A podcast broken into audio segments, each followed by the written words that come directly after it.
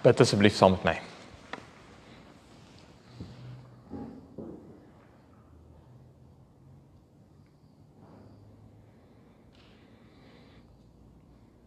Drie enige God. U is heilig en U maak ons ook heilig. Wat beteken U maak ons heel? U red ons. U maak die lewe heilsaam. En U doen dit deur ons deel te maak van U lewe. U doen dit deur ons in te sluit, deel te maak, in te lyf in u storie. En as ons uit die Bybel lees, as ons deel raak van die getuienisse van soveel mense met wie u in die verlede al 'n verbond gesluit het, dan beleef ons hoe ons stories deel raak van u groot storie. En soos dit gebeur, word ons gered. Is daar vir ons heil? Word ons lewens meer heilsaam en heel? En maak U ons ook deel van U werk om die wêreld heel te maak. Dankie dat ons met sulke groot afwagting en verlange ook nou na die Bybel toe kan kom met die wete dat U hier is as die lewende woord wat met ons praat. Amen. So ehm um, hierdie teksgedeelte is nie altyd voorgeskryf um, in die in die leesrooster vir Hemelvaart Sondag nie, maar ehm um, hierdie hele gedeelte in in Johannes van hoofstuk 13 af tot 17 het alles te maak met die met die hemelvaart en ehm um, ek dink die die teksgedeelte is eintlik uh, voorgeskryf vir Sondag se se se erediens. Maar ek gaan twee keer uit dit uitpreek. Dit is so ryk, mense kan dit eintlik doen. En ehm um, En ek gaan eers voordat ek die teks lees, gaan ek eers vir ons uh, net 'n paar woorde uh, sê oor oor dit wat ons vandag vier. Hemelvaart dag. Ehm um, ek kan baie daaroor sê, eh, maar ek gaan ek gaan nie te veel daaroor sê nie. Ek gaan net fokus vandag op die gedagte dat met hemelvaart vier ons dat Jesus die gekruisigde aan die regterhand van God sit. En die regterhand van God beteken dis natuurlik beeldspraak want in God het ons eintlik hande nie. Maar aan die regterhand van God beteken by God se krag. Jesus, as ons na hom kyk, dan sien ons hoe God kragtig is. Hy verteenwoordig, hy hy help ons om te verstaan wat dit beteken om te sê dat God almagtig is. Die regterhand is ook hoe God handel in die wêreld. Hoe God hier is, hoe God betrokke is in ons lewens. En in die ehm um, veral in die gereformeerde tradisie was daar die gedagte dat hierdie Jesus regeer. Dis so belangrik. En dat daar nie 'n duimbreedte op die aarde is wat nie aan God behoort nie. Wat nie onder Christus se heerskappy is nie.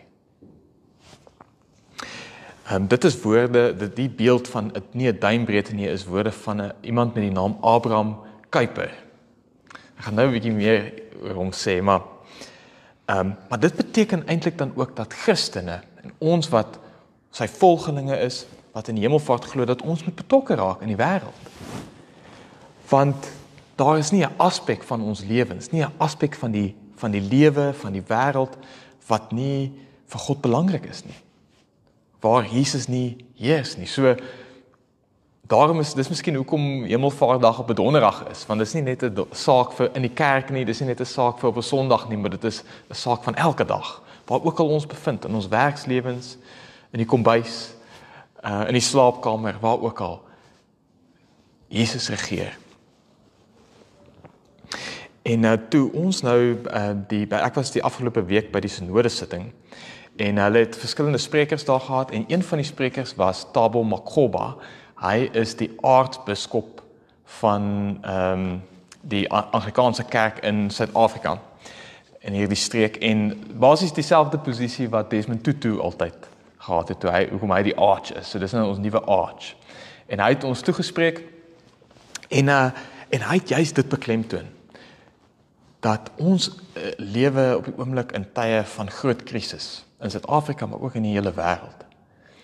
En uh, dit is nou juis 'n baie belangrike oomblik waarin die kerk nie moet terugtreë nie, maar moet intree in die krisisse in. Maar ons moet betrokke wees. En hy het ons hy het uiteindelik bepleit dat die veral die NG Kerk aktiewe landsburgers moet wees wat deelneem aan die demokrasie. En ek dink hy praat veral met die NG Kerk want ek dink sedert 94 het ons soort van onttrek.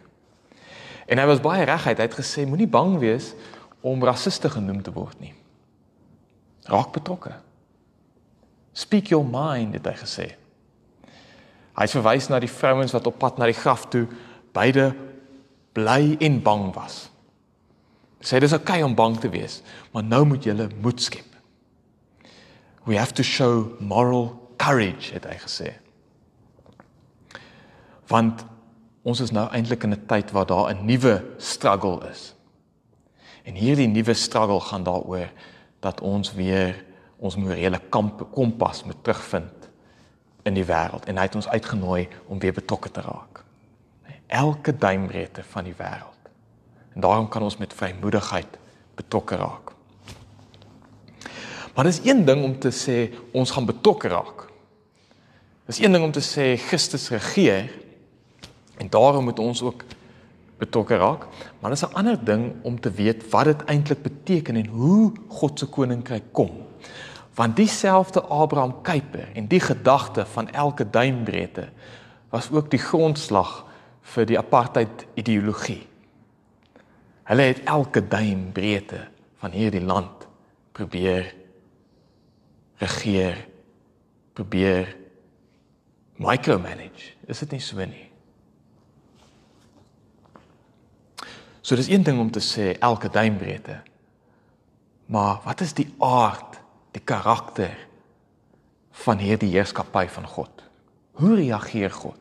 Hoe regeer God en hoe moet ons dan betrokke raak? God gee ongelooflik baie om oor alles wat mense in die parlement oor praat. Maar as ons na die Bybel kyk, dan kom ons agter God praat anders oor daardie selfde dinge. Anders as die politici.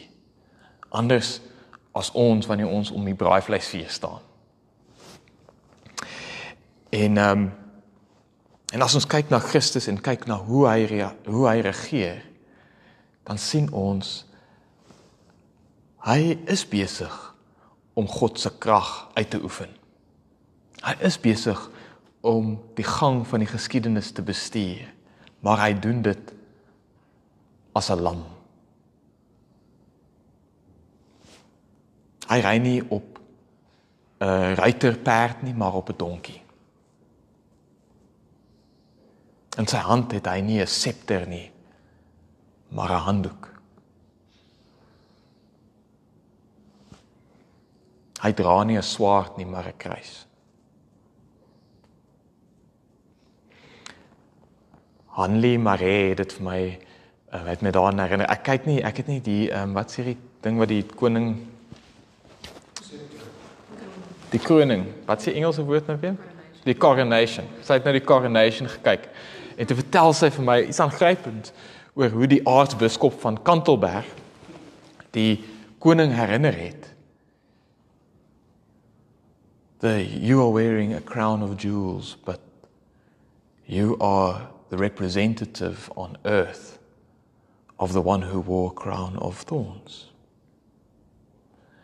En Ek kan nie onthou wat die ander goedes was nie, but all of this regalia of golden regalia Christ's regalia were the wounds in his hands and in his side. 'n ander tipe heerskappy.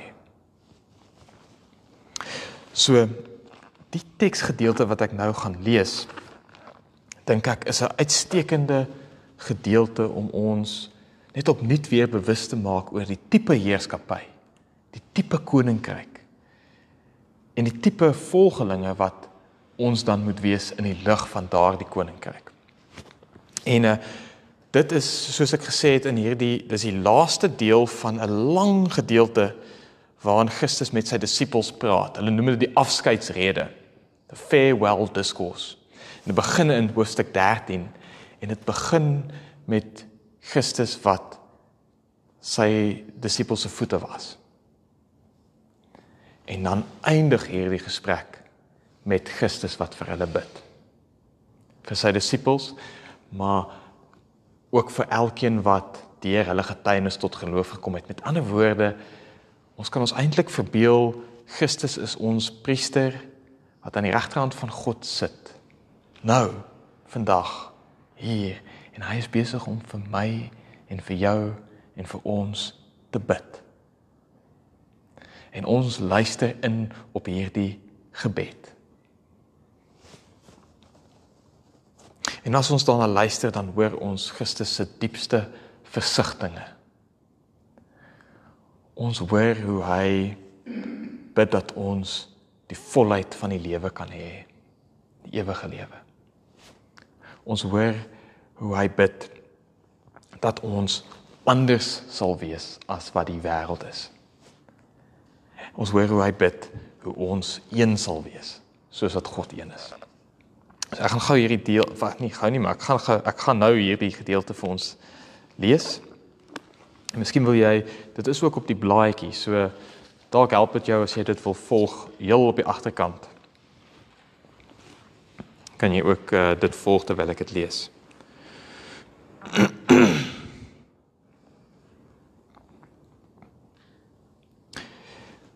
Jesus het hierdie dinge gesê en toe sy oë na die hemel opgerig en gesê Vader die uur het aangebreek.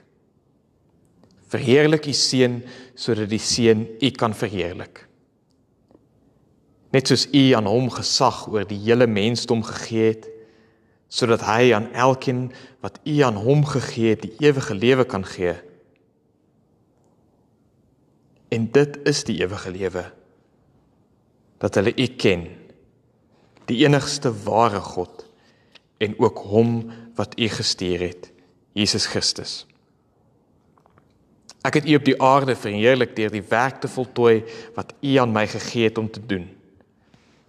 En nou Vader, verheerlik my by u met die heerlikheid wat ek by u gehad het voordat die wêreld bestaan het. Ek het u naam bekend gemaak aan die mense wat u my uit die wêreld gegee het. Hulle het aan U behoort en U het hulle aan my gegee. En hulle het U woord gehoorsaam. Nou weet hulle dat alles wat U my gegee het van U kom. Die woorde wat U my gegee het, het ek aan hulle gegee. En hulle het dit aanvaar en werklik besef dat ek van U af gekom het. En hulle het geglo dat U my gestuur het. Ek bid vir hulle Ek bid nie vir die wêreld nie, maar vir hulle wat U aan my gegee het omdat hulle aan U behoort. En alles wat myne is, behoort aan U en wat aan U behoort is myne en in hulle is ek verheerlik. Ek is nie meer in die wêreld nie, maar hulle is nog in die wêreld en ek kom na U, Heilige Vader. Bewaar hulle wat U aan my gegee het in U naam sodat hulle net soos ons een kan wees. Ons lees net vanaand hierdie eerste derde van die van die hele gebed. Miskien net ook hoofstuk 20, ag eh, vers 20. Ek bid egter nie net vir hulle nie, maar ook vir die wat deur hulle woorde in my glo dat hulle almal een kan wees net soos u Vader in my is en ek in u en dat hulle ook in ons kan wees sodat die wêreld kan glo dat u my gestuur het. So daar net 'n baie duidelike herinnering dat Jesus ook vir ons bid en dat dit wat hy vir sy disippels gebid het, hy ook hy ook vanaand vir ons bid. 'n baie ryk gedeelte soos alles in in Johannes, nê, nee? baie ryk, baie simbolies. Ehm um, dis asof jy, jy kan self elke sinnetjie elke sleutelwoord gaan volg in die res van sy evangelie en dan raak dit al hoe duideliker wat Jesus eintlik hier bedoel. Ek weet nie of julle al ooit gehoor het van die man Oscar Romero nie.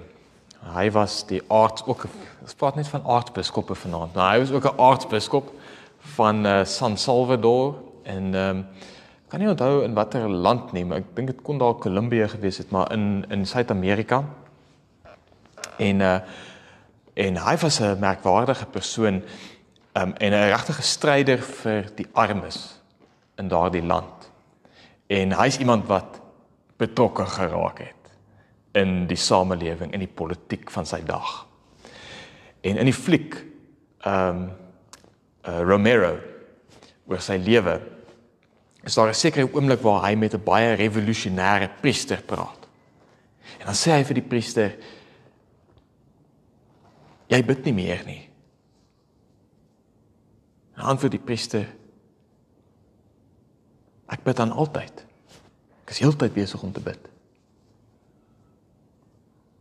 Waarop Romero dan weer vir hom vra: "Maar hoekom draai jy dan 'n geweer op jou?" Om te bid is baie belangrik. Maar nog belangriker is om die antwoord te wees. Die antwoord te word op ons gebede. Om te bid vir vrede is om 'n vredemaker te word.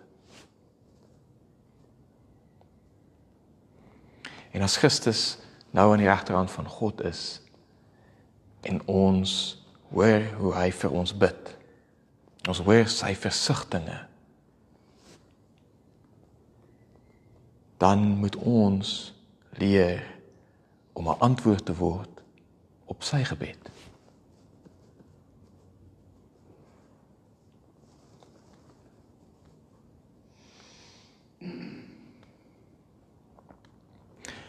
Kan net 3 hoofgedeeltes uitlig van hierdie gedeelte. En ek hoop dit kan ons help om te dink hoe kan ons 'n antwoord word op Jesus se diepste versigtings op sy gebed vir ons. Die eerste is waarmee Jesus begin. Verheerlik u seun sodat die seun u kan verheerlik. Jesus het gekom om vir ons die heerlikheid van God se liefde te wys. En hierdie gebed, soos ek gesê het hier in die einde hoofstuk 17 kom aan die einde van 'n lang gesprek wat begin het met Jesus wat op sy knieë gaan met 'n handdoek om sy lyf gebind om iets te doen wat almal in daardie antieke wêreld as hulle die geld gehad het eerder iemand anders sou betaal het om te doen.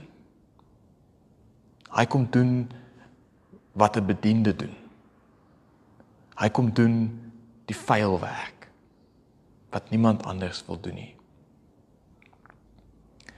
Met ander woorde ons sien die heerlikheid van God wanneer ons bereid is om die vuil werk vir mekaar te doen. Wanneer ons bereid is om ter wille van ander ons hande vuil te maak wanneer ons bereid is om vir mekaar op ons knieë te gaan om vir mekaar te bid maar ook om deur ons diensbaarheid deur ons nederigheid die antwoord te word op ander se gebede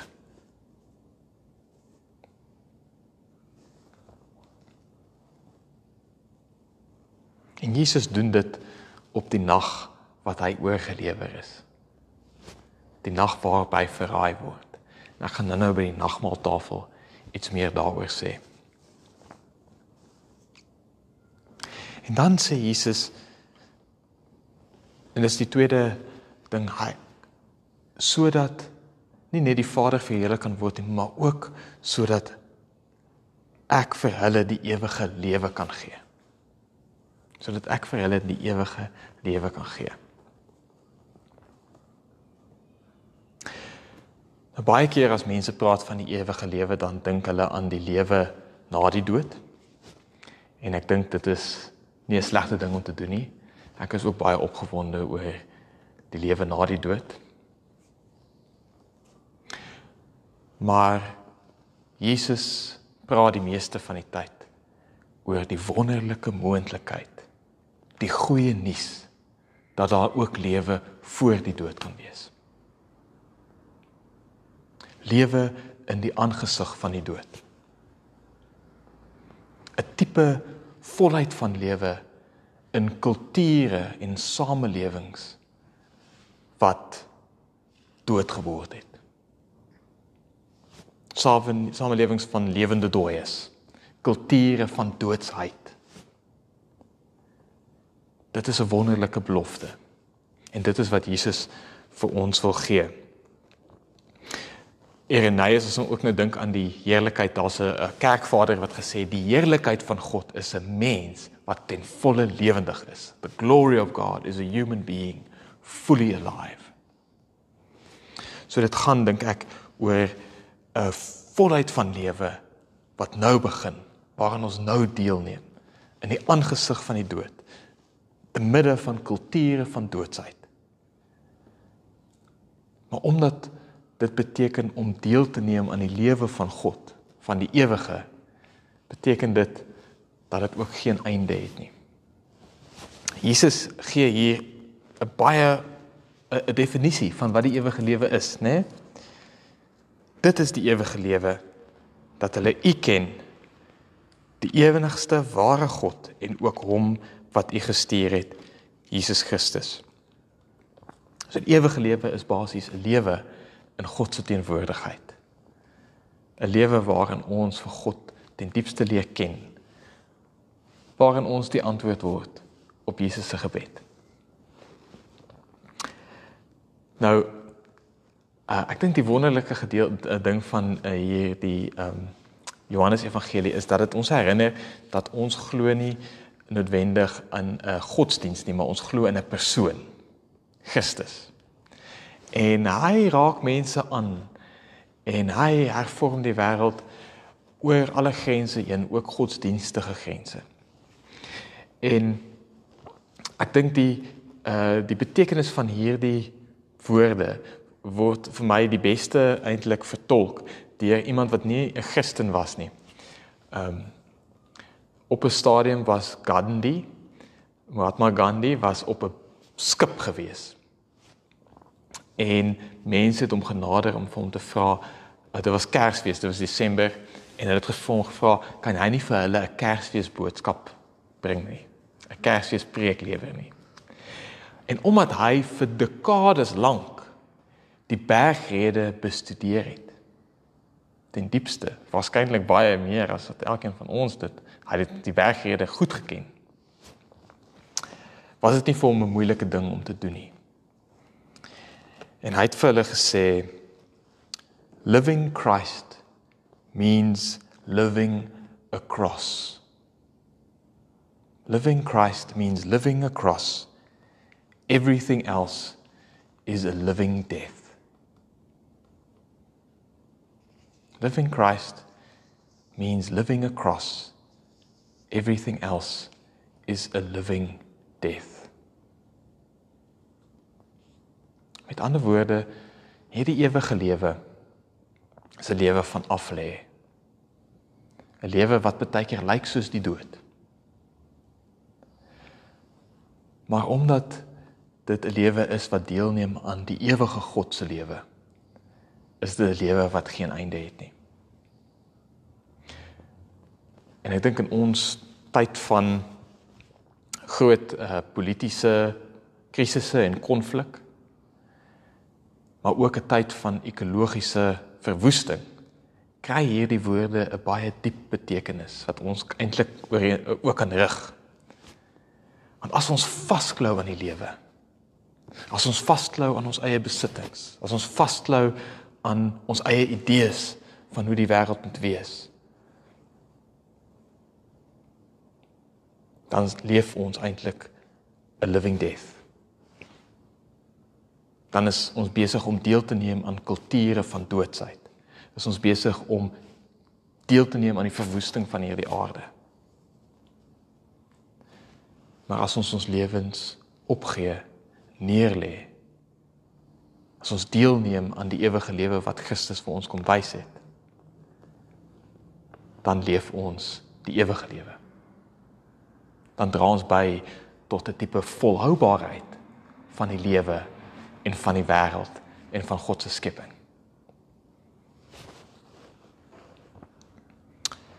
So die eerste die heerlikheid van God is om ons hande vuil te maak om ter wille van ander die vuil werk vir hulle te doen. Dit is ook 'n volle lewe die heerlikheid van God is ook die lewe in volheid. En dit is om God te ken, God in Christus en hom te volg.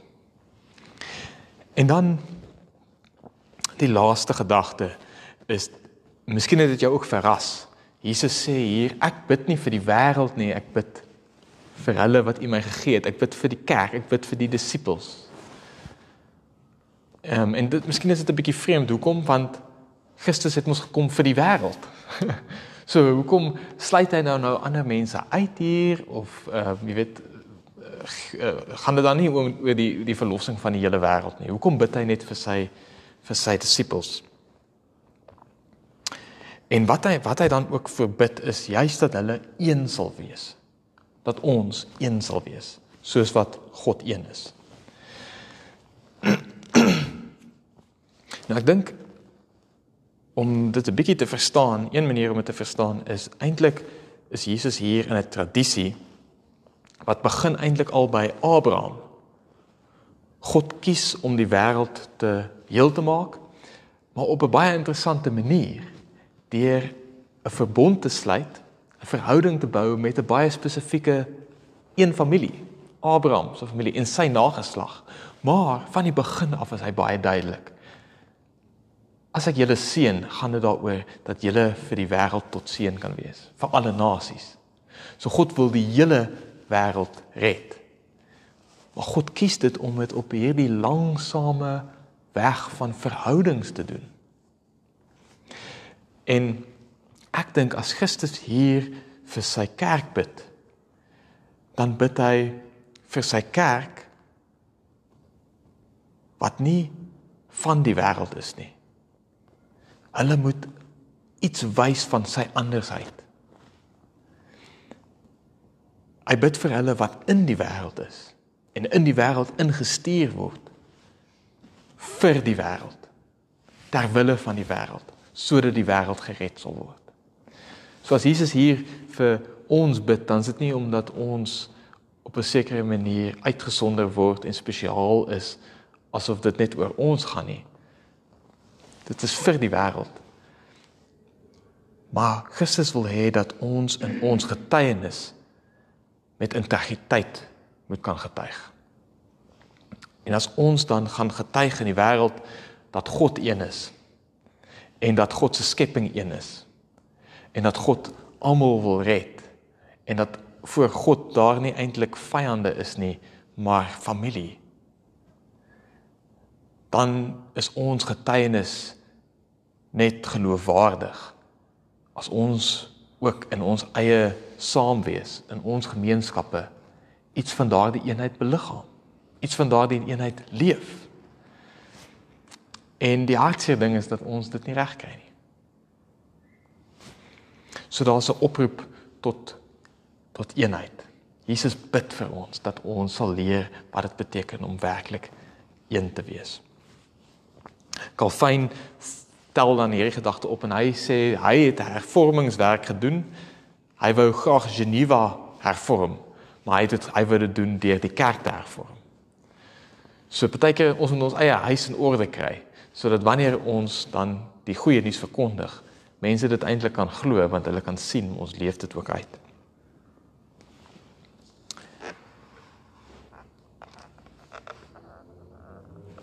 So eenvoudige drie eenvoudige gedagtes.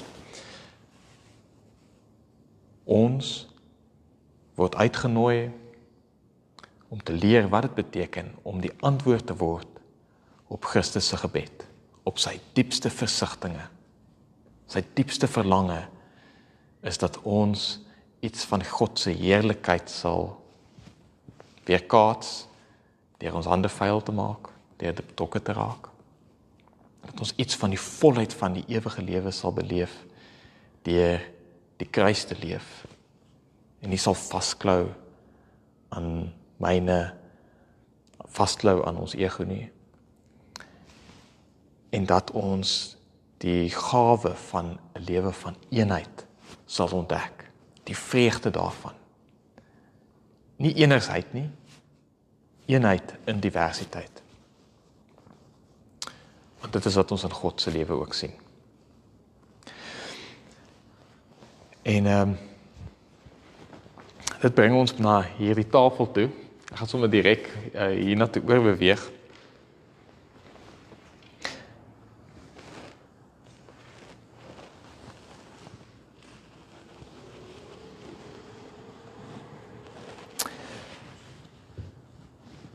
Daar is 'n punt in hierdie lang gesprek tussen Jesus en sy disippels nadat hy hulle voete gewas het. Waarop hy sê: "Nou het u u seun verheerlik." So hy praat heeltyd oor verheerlik my en op 'n sekere punt dan sê hy: "Nou het u my werklik verheerlik." En wat is daardie punt? Dis die oomblik waarop Judas sy verraaier uit die vertrek uitloop. Merkwaardig. Hoe kan daardie oomblik daardie oomblik toe Judas sy verraaier met die ehm um, plan wat hy het om nou geld te gaan maak om Jesus eintlik uit te verkoop, hoe kan daardie oomblik die oomblik wees waarop Jesus verheerlik word?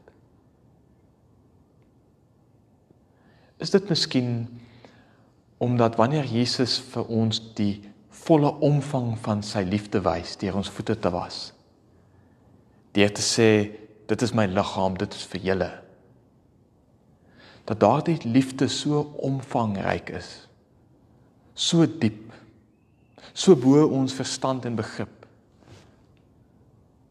dat dit ons insluit wanneer ons ook uit daardie deur uitloop wanneer ons ook Christus verloon. Wanneer ons ook as sy verraaier soms om die tafel sit. Daarom begin die instellingswoorde altyd op die aand waarop hy oorgelewer is. As 'n herinnering van hoe diep, hoe omvangryk, hoe onbegrensd God se liefde vir ons is. Op die aand waarop hy oorgelewer is, het hy 'n stuk brood 'n beker wyn in sy hande geneem om vir ons die omvangrykheid en die diepte en die onbegrensdheid van sy liefde te wys. Hy het die brood in sy hande geneem, God daarvoor gedank, dit geseën, dit gebreek en vir hulle gegee en gesê, dit is my liggaam. Dit is vir julle. En op dieselfde manier het hy toe ook die beker sy hande geneem. 'n Teken van God se nuwe verbond, 'n verbond van liefde, 'n verbond van genade. 'n Teken dat God 'n God van verbondenheid is. Hy het gesê dit is my bloed, dit word uitgestort vir julle ter vergifnis van al julle sondes. Brood wat lewe gee. Die liggaam van Christus gebreek vir hierdie gebroke wêreld. En die wyn van God se toekoms. Die bloedsomloop van God in hierdie wêreld. gaan julle uitnooi om vorentoe te kom en die tekens hier by die tafel te kom ontvang. Kom steek julle voete hier by Christus se tafel in. En jy kan die teken gebruik soos wat jy dit ontvang. Um, en net in stilte uh, in gebed weer gaan sit.